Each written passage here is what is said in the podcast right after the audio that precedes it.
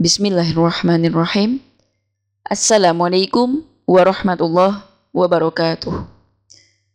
Bersyukur pada Allah atas segala nikmat rezeki bahkan kuasanya yang telah diberikan ke kita. Saya harap kalian ngedengerin podcast ini sampai selesai biar nggak ada salah paham di antara kita. Kali ini saya akan melanjutkan tentang pacaran mutlak zina part 3.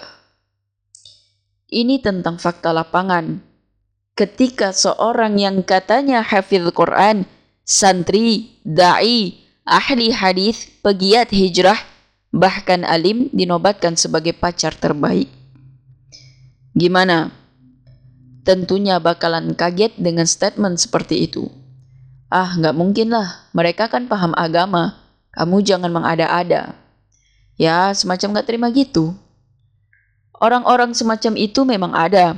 Awalnya minoritas, perlahan-lahan menjadi mayoritas.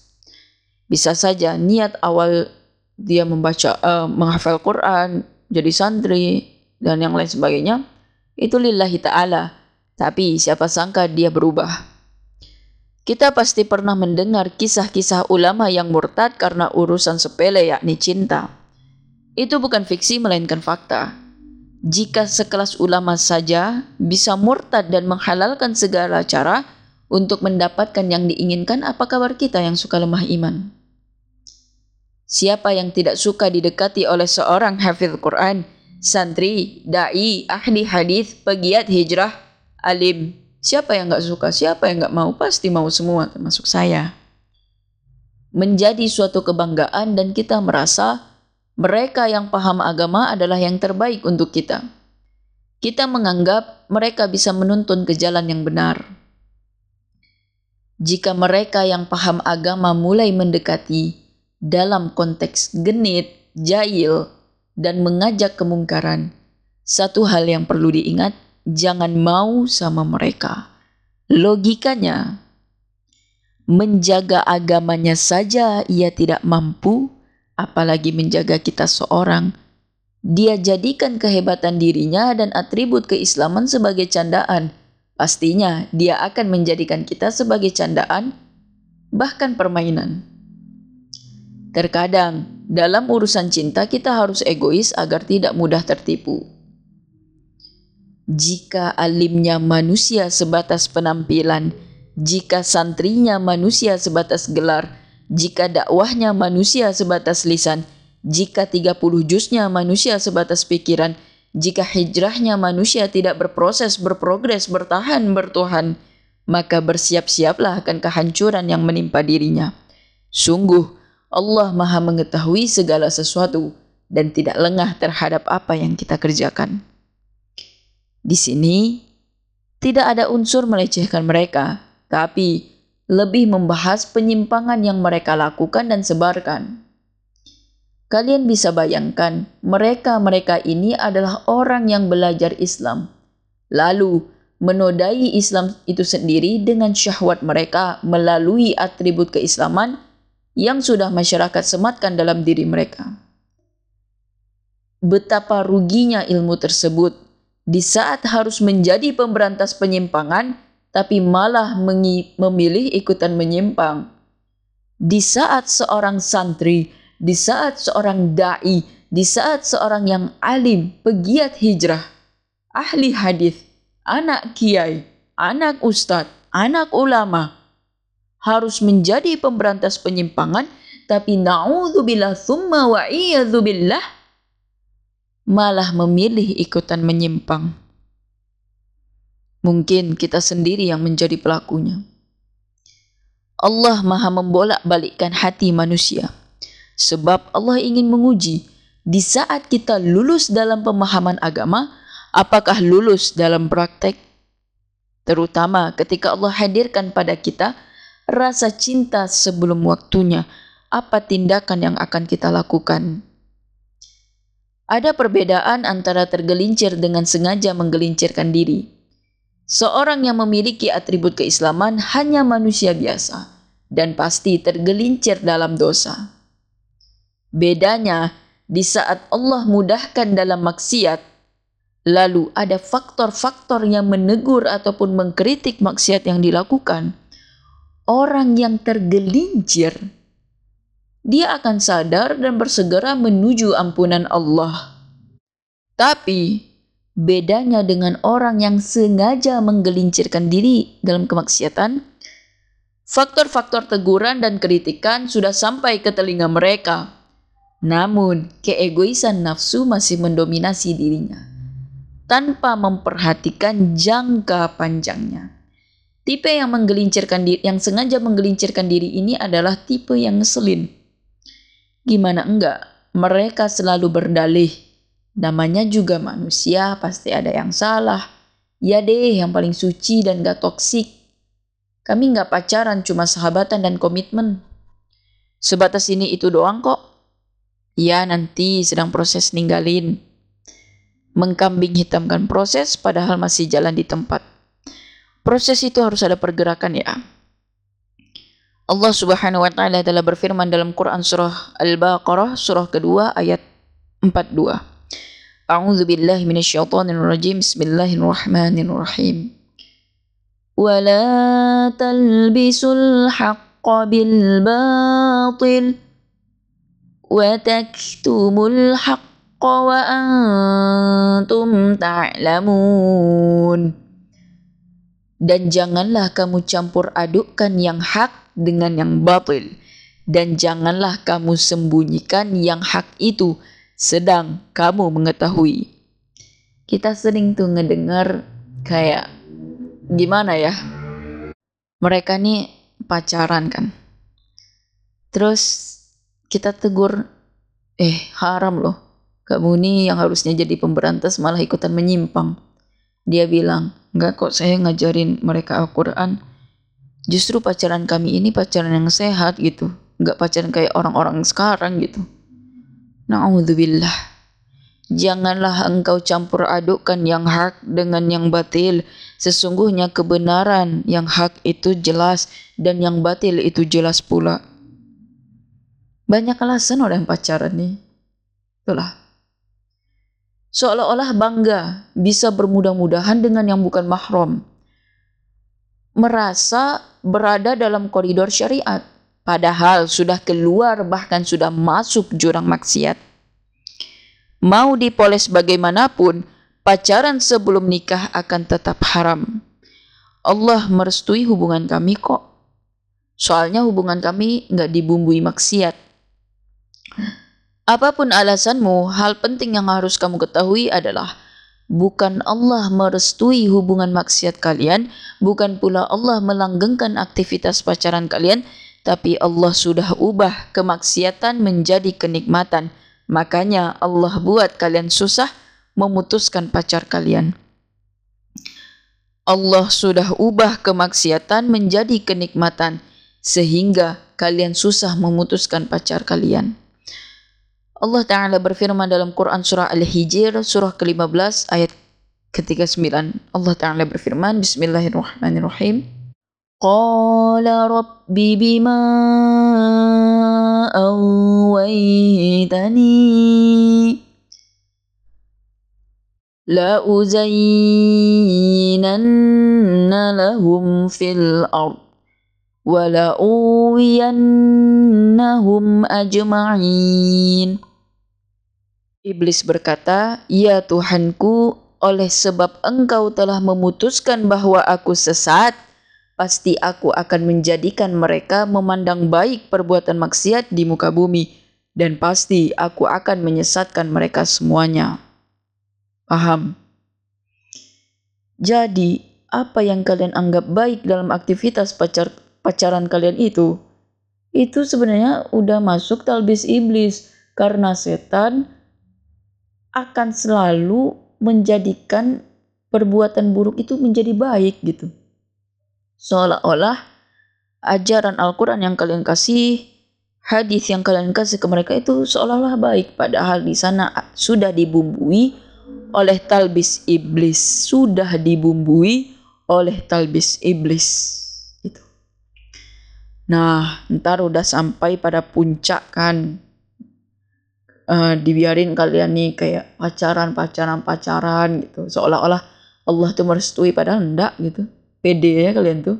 Nah ntar kalau sudah sampai pada puncak Allah hantamkan bumi ini dengan berbagai bencana, baik bencana ringan maupun bencana berat.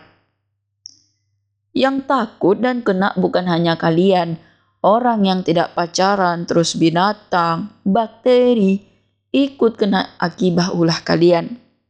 Tapi kalian belum sadar gitu.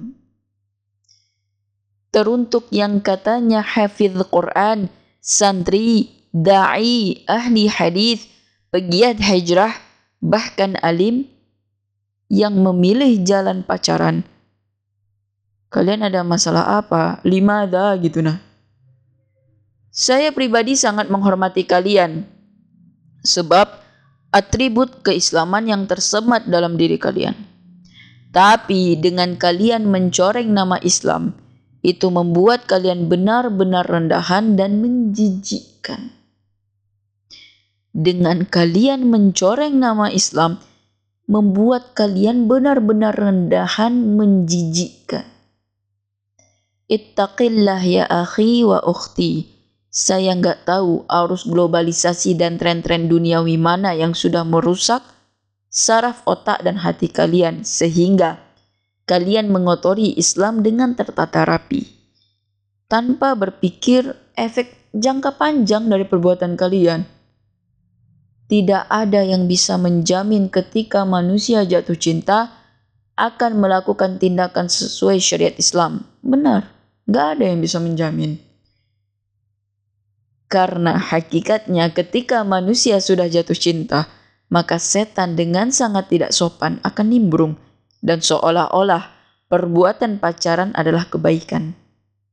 Tapi dengan banyaknya ilmu yang tersimpan di otak kalian, nasihat para guru dan ulama yang membekas dalam jiwa kalian, ibadah konsisten yang kalian lakukan, apa kalian tidak malu dan tidak merasa berdosa melakukan hal keji yang bernama pacaran.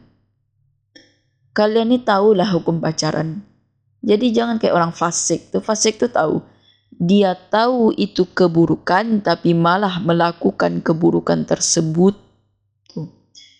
Di akhir surah At-Taubah surah ke-9 ayat 24 Allah Taala berfirman, Wallahu la yahdil qawmal fasiqin. Dan Allah tidak memberi petunjuk kepada orang-orang yang fasik. Allah tidak memberi petunjuk kepada orang-orang yang fasik. Kalian tahu nggak seberapa pentingnya kalian di mata masyarakat? Penting banget karena mereka menganggap kalian adalah panutan dan kiblat para remaja, kiblat perubahan gitu. Generasi terbaik. Dan kalian tahu jangka panjang yang kalian sebarkan dampaknya itu apa? Dampaknya masyarakat akan berkomentar. Yang hafil Quran, santri, dai, ahli hadis, pegiat hijrah, bahkan alim aja mereka pacaran. Ya kita-kita yang awam ini bolehlah pacaran. Beragama itu jangan terlalu kaku, biasa-biasa aja. Terus yang kedua, ih so sweet ya mereka nggak pacaran, saling menjaga, nggak sentuhan, ketemuan aja nggak ada kedekatan, jaga jarak, membahas agama lagi. Wow, Kalian yang pernah dengar orang komentar kayak gitu, kalian risih enggak? Kalau aku pribadi sih risih dan malu gitu. Ah, orang-orang akan selalu berkomentar, biarin aja. Terkadang kita harus peka dan introspeksi sama omongan orang. Kita perlu sedikit tamparan, bahkan sanksi sosial, agar kita kembali sadar sekarang semakin banyak juga yang bikin konten tips santri ketemu santriwati, santri dan santriwati kirim-kirim surat, kabur dari asrama biar bisa cinta-cintaan, kakak adik dalam dunia pesantren, dan yang buat konten tersebut tahu siapa?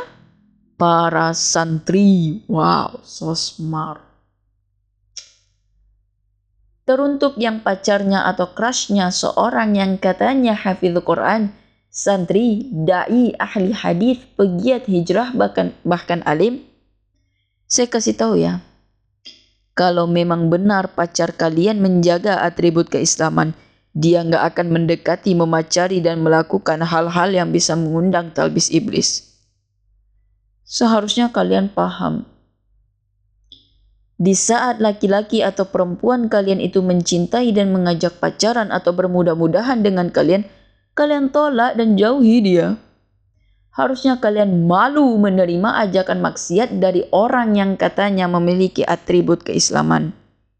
Sebaik apa pun ia, kalau dia mengajak melakukan kemaksiatan, udah nggak benar itu. Dan kalian jangan pula goda-goda supaya mereka mau pacaran sama kalian harusnya sadar gitu nah logikanya aja ya dia nih hafiz Quran tuh ngajak kalian berdua-duaan gitu. Ke kafe ke mana lagi? Uh, boncengan bonceng sini bonceng sana. Kayak kalian tuh paham lah dikit. Gunain akal pikiran tuh. Jadi berusahalah meminta pertolongan pada Allah dari segala kemaksiatan, baik kemaksiatan bentuknya samar, kemaksiatan yang bentuknya samar ataupun jelas. Allah Subhanahu wa taala dalam Quran surah Al-Mu'minun surah kedua 3 ayat 97 sampai 98 Allah berfirman Bismillahirrahmanirrahim. Wa Rabbi a'udzu bika min hamazatis syayatin. Wa a'udzu bika rabbi an yahdurun. Dan katakanlah ya Tuhanku aku berlindung kepada engkau dari bisikan-bisikan syaitan dan aku berlindung pula kepada engkau ya Tuhanku dari kedatangan mereka kepadaku. Itu. Demi Allah, sepositif apa pun aktivitas kalian, pacaran itu tetap haram dan kalian gak akan bisa merubah hukum syariat. Pacaran mutlak zina, pacaran pelengkap zina, pacaran akses termudah dalam zina kelamin. Gak perlulah menggaung-gaungkan cinta dalam diam. Karena ya, bilang cinta dalam diam ternyata diam-diam melakukan kemaksiatan, diam-diam uh, kabur dari pesantren, diam-diam chatan, diam-diam uh, video callan, diam-diam ketemuan. Nih, diam-diam melakukan kemaksiatan. Itulah. Jangan menodai konsep cintanya Sayyidina Ali dengan Sayyidatina Fatimah. Jangan gitu. Harusnya malu kalian tuh malu. Punya malu gak sih? cinta dalam diam mengikuti Sayyidina Ali dan Sayyidatina Fatimah tapi kenyataan mengotori malu lah kalian tuh sedikit ya Allah nah sebab ada fakta pacaran sama yang beratribut keislaman maka ada istilah penobatan pacar terbaik yakni jatuh cinta kepada seorang yang katanya hafil Quran santri, dai, ahli hadis, pegiat hijrah bahkan alim yang mengekspresikan rasa cinta dengan pacaran syar'i. Padahal pacaran itu nggak bisa syar'i. Ya, ih, kayak so sweet kali lah kan ini pacaran sama santri, sama hafiz Quran, sama dai, sama yang alim, sama ahli hadis, sama yang hijrah. Kayaknya kalian tuh dijaga banget terus diingetin sholat tahajud, sholat duha, puasa, puasa sunnah, sholat rawatib. Kayaknya enak lah. Kalian tuh kayak pacaran syar'i gitu. Allah. Mana ya? Kalian ini ada ada ya. Haddathana al-Humaydi Abdullah ibn Zubair qala haddathana Sufyan قال حدثنا يحيى بن سعيد الأنصاري قال أخبرني محمد بن إبراهيم التيمي أنه سمع عن قمة بن وقاص الليثية yaqulu sami'tu Umar bin al-Khattab radhiyallahu anhu qala ala al-minbar qala sami'tu Rasulullah sallallahu alaihi wasallam yaqul innamal a'malu binniyat wa innamal likulli imri'in ma nawa faman kanat hijratuhu ila dunya yusibuha aw ila imra'atin yankihuha kihuha fahijratuhu ila ma hajaro ilaih. Telah menceritakan kepada kami Al-Humaydi Abdullah bin Az-Zubair dia berkata telah menceritakan kepada kami Sufyan yang berkata bahwa telah menceritakan kepada kami Yahya bin Sa'id Al-Ansari berkata telah mengabarkan kepada kami Muhammad bin Ibrahim At-Taimi bahwa dia pernah mendengar Al-Qamah bin Waqqas Al-Laitsi Al-Laitsi berkata saya men pernah mendengar Umar bin Al-Khattab di atas mimbar berkata saya mendengar Rasulullah Shallallahu Alaihi Wasallam bersabda, semua perbuatan tergantung niatnya dan balasan bagi tiap-tiap orang tergantung apa yang diniatkannya. Barang siapa niat hijrahnya karena dunia yang ingin digapainya atau karena seorang perempuan yang ingin dia nikahi, maka hijrahnya adalah kepada apa yang dia niatkan. Paham? Jadi gini, kalau kalian niat kalian tuh dalam belajar agama hanya untuk pujian manusia, hanya untuk mendapatkan cinta manusia, kalian akan mendapatkan hal itu. Tapi apa ahsan, apa baik, apa pantas kayak gitu. Itu yang harus. Niat itu selalu berubah-ubah. Makanya selalu perbaiki niat sebelum kita melakukan apa pun gitu. Nah, karena setan akan selalu kayak nge ngesetting hati kita tuh diri kita tuh kayak oh ini niat kita tuh udah benar. Padahal niat tuh niat kita misalkan bersedekah itu untuk ria tapi setan tuh kayak mengolah hati kita mau otak atik gitu. Nah itulah. Makanya setan tuh bilang karena engkau telah sesatkan aku maka setan tuh kayak langsung mengeluarkan talbis iblisnya gitu nah Nah, itu kehebatan setan yang Allah berikan. Nah, makanya dalam melakukan hal itu niat kita tuh harus benar dulu. Nah, itu yang pertama. Dari Usamah bin Zaid, Nabi Shallallahu alaihi wasallam bersabda, "Yuja'u birrajul yaumal qiyam yaumal qiyamah fayulqa finnar فتندلق أقطابه في النار فيدور كما يدور الحمار براحة فيجتمع أهل النار عليه أهل النار عليه. فيقول أي فلان ما ما شأنك؟ أليس كنت تأمرنا بالمعروف وتنهون وتنهى عن المنكر؟ قال كنت amurukum bil ma'ruf wala atih wa anhaakum al munkari wa atih ada seseorang yang didatangkan pada hari kiamat, lantas ia dilemparkan dalam neraka. Usus-ususnya pun terburai di dalam neraka. Lalu dia berputar seperti keledai memutari penggilingannya. Lantas penghuni neraka berkumpul di sekitarnya lalu mereka bertanya, Wahai Fulan, ada apa denganmu? Bukankah kamu dahulu yang memerintahkan kami kepada kebaikan dan melarang kami pada kemungkaran? Dia menjawab, Memang betul, aku dulu memerintahkan kalian kepada kebaikan tetapi aku sendiri tidak mengerjakannya. Dan aku dulu melarang kalian dari kemungkaran tapi aku sendiri yang mengerjakannya. Hadis riwayat Bukhari nomor 3267 dan hadis riwayat Muslim nomor 2989. Emang betul, Aku yang mengingatkan kalian bahwa pacaran itu haram, tapi aku tidak mengerjakannya.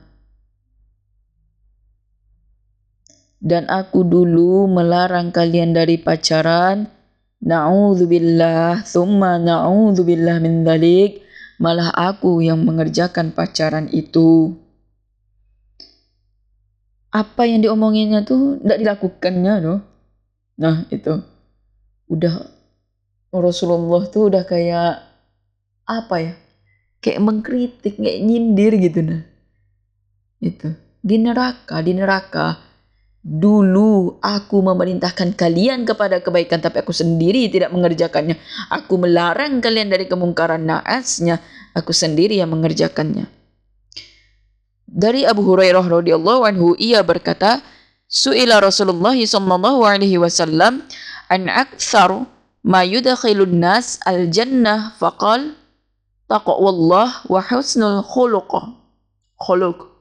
Wasu'ila wasu'ila an aktsar ma yudkhilun nas an-nar faqal al-fam al-famu wal farju Rasulullah Shallallahu Alaihi Wasallam ditanya mengenai perkara yang banyak memasukkan seseorang ke dalam surga. Beliau menjawab takwa kepada Allah dan berakhlak yang baik. Beliau ditanya pula mengenai perkara yang banyak memasukkan orang dalam neraka. Jawab beliau, perkara yang disebabkan karena mulut dan kemaluan. Hadis riwayat Tirmizi nomor 2004 dan Ibnu Majah nomor 4246 Al-Hafiz Abu Tahir mengatakan bahawa sanad hadis ini sahih. Pacaran pacaran syar'i katanya. Uh, ayo tahajud. Uh, udah waktunya tahajud nih. Um, nanti kita jalan bareng ya tapi aku dulu di depan, kamu di belakang aku ya Mulutmu buaya nian, buaya bana, buayo buayo. Terus kemaluan. Ini ya, sesantri apa pun dia, sedai apa pun dia, seahli hadis apa pun dia, segimanapun dia memiliki atribut keislaman, dia tuh punya nafsu gitu nah gak bisa dia menyentuhmu, maka dia jadikan dirimu, dia jadikan fotomu sebagai bahan masturbasi. Itu. Cuman mana ada mau mereka jujur gitu. Pastilah mereka, enggak kok, enggak, enggak ada gue kayak ini, pembohong memang. Gitulah. Terus juga, Rasulullah Shallallahu Alaihi Wasallam bersabda, li ayyut'ana fi ra'sin rajul bimikhyat min hadid khairul lah min an yamassa yamassam ra'atan ayyamassam ra'atan la tahillulah la tahillulah artinya ditusuknya kepala seseorang dengan pasak dari besi sungguh lebih baik baginya daripada menyentuh yang bukan mahram daripada menyentuh wanita yang bukan mahramnya. Ditusuknya kepala seseorang dengan pasak dari besi lebih baik baginya daripada menyentuh wanita yang bukan mahram. Hadis riwayat Tabrani dalam Mu'jam Al-Kabir jilid 20 halaman 211 Syekh Albani mengatakan bahawa hadis ini sahih. Kalau laki-laki dilarang menyentuh yang bukan mahram, maka ini juga berlaku bagi perempuan. Itu. Rasulullah sallallahu alaihi wasallam bersabda, "Ala la yakhluwanna rajulun bimra'atin la tahillu lah, fa inna thalithahuma asyaitan illa mahram." Janganlah seorang laki-laki berduaan dengan seorang wanita yang tidak halal baginya, karena sesungguhnya syaitan adalah orang ketiga di antara mereka berdua kecuali apabila bersama mahramnya. Hadis riwayat Ahmad nomor 15734. Syekh Shu'aib Al-Arnaud mengatakan hadis ini sahih li. Dan juga an Thauban anin Nabi sallallahu alaihi wasallam annahu qala li'alamanna aqwaman min ummati ya'tuna yaumal qiyamah bihasanat amthal jibal tihamah bidon fayaj'aluha Allah azza wa jalla haba'an manthuran qala thauban ya rasulullah sifhum lana لنا جليهم لنا أن لا نكن منهم ونحن لا. نعلم. قال أما إنهم إخوانكم ومن جلدتكم ويأخذون من الليل كما تأخذون ولكنهم ولكنهم أقوام إذا خلوا بمحارم الله بمحارم الله tahakuha tahakuha dari Thauban dari Nabi Shallallahu Alaihi Wasallam ia berkata sungguh Aku mengetahui suatu kaum dari umatku datang pada hari kiamat dengan banyak kebaikan semisal gunung Tihamah. Namun, Allah menjadikan kebaikan tersebut menjadi debu yang bertebaran. Sauban berkata, Wahai Rasulullah, coba sebutkan sifat-sifat mereka pada kami supaya kami tidak menjadi seperti mereka sedangkan kami tidak mengetahuinya. Rasulullah Shallallahu alaihi wasallam bersabda, Adapun mereka saudara kalian, Kulit mereka sama dengan kulit kalian. Mereka menghidupkan malam dengan ibadah seperti kalian. Akan tetapi mereka adalah kaum yang jika bersepian mereka merobek tirai untuk bisa bermaksiat pada Allah. Hadis riwayat Ibnu Majah nomor 4245 Al-Hafidh Abu Tahir mengatakan bahwa sanad hadis ini hasan. Nah, yang dimaksud dari hadis Thauban dengan bersendirian dalam maksiat pada Allah tidak berarti maksiat tersebut dilakukan di rumah seorang diri tanpa ada yang melihat. Tapi boleh jadi maksiat tersebut dilakukan dengan jamaahnya atau orang yang setipe dengannya. Syekh Albani menyatakan bahwa yang dimaksud dalam hadis bukanlah melakukan maksiat sembunyi-sembunyi. Namun ketika ada kesempatan baginya untuk bermaksiat ia menerjangnya dalam silsilah Al-Huda wa An-Nur nomor 226. Syekh Muhammad Al-Mukhtar Ash-Shinqiti berkata, ada orang yang melakukan maksiat sembunyi-sembunyi namun penuh penyesalan. Orang tersebut bukanlah orang yang morbek tabir untuk menerjang yang haram. Karena asalnya orang semacam itu menggaungkan syariat Allah, namun ia terkalahkan dengan syahwatnya. Adapun yang bermaksiat lainnya, ia melakukan maksiat dalam keadaan berani menganggap remeh dosa. Itulah yang membuat amalannya terputus. Syarah Zat Al-Mustaqni nomor pelajaran 332. Ah, jadi itu guys.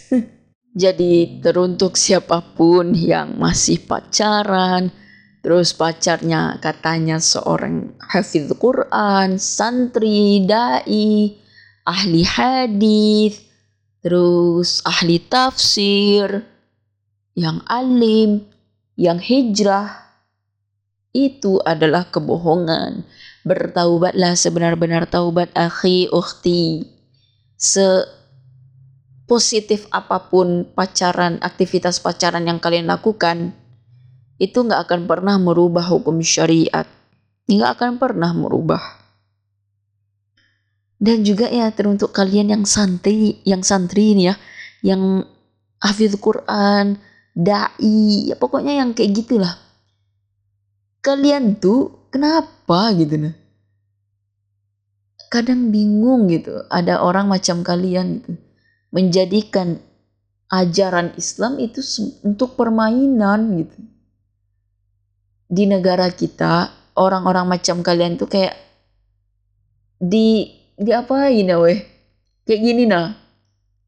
Kalian nih santri misalkan. Nah masyarakat tuh wih santri pasti bisa ini bisa itu bisa itu.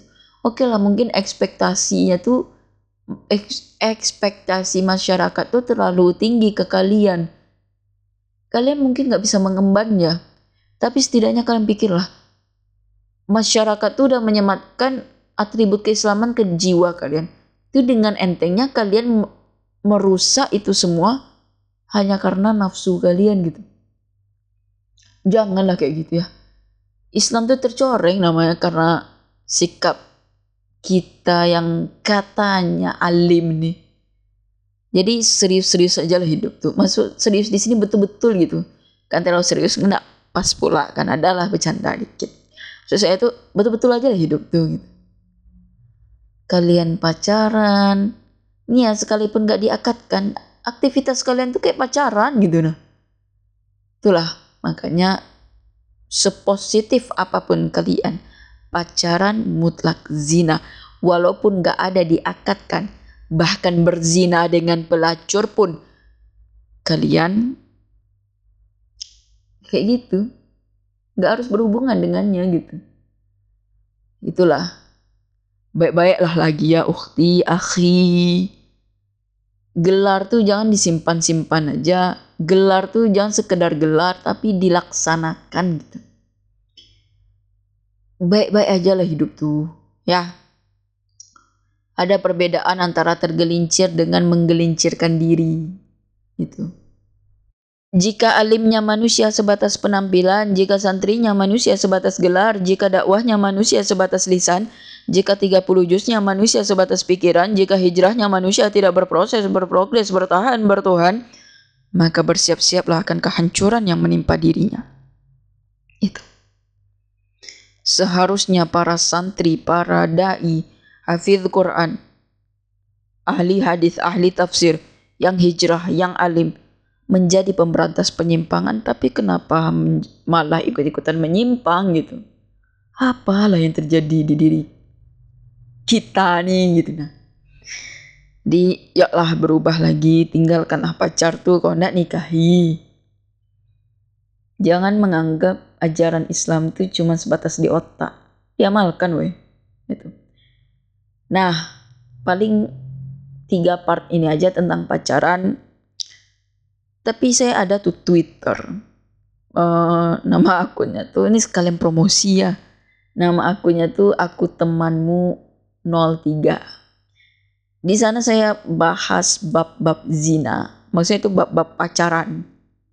Bisalah kalian lihat di sana ya. Nah, baiklah. Sekian dari saya. Maaf jika ada kelebihan atau kekurangan kata. Sesungguhnya kelebihan datang dari Allah Subhanahu wa taala, kekurangan datang dari diri saya sendiri. Baik, syukran ala hasni timamikun. Assalamualaikum warahmatullahi wabarakatuh.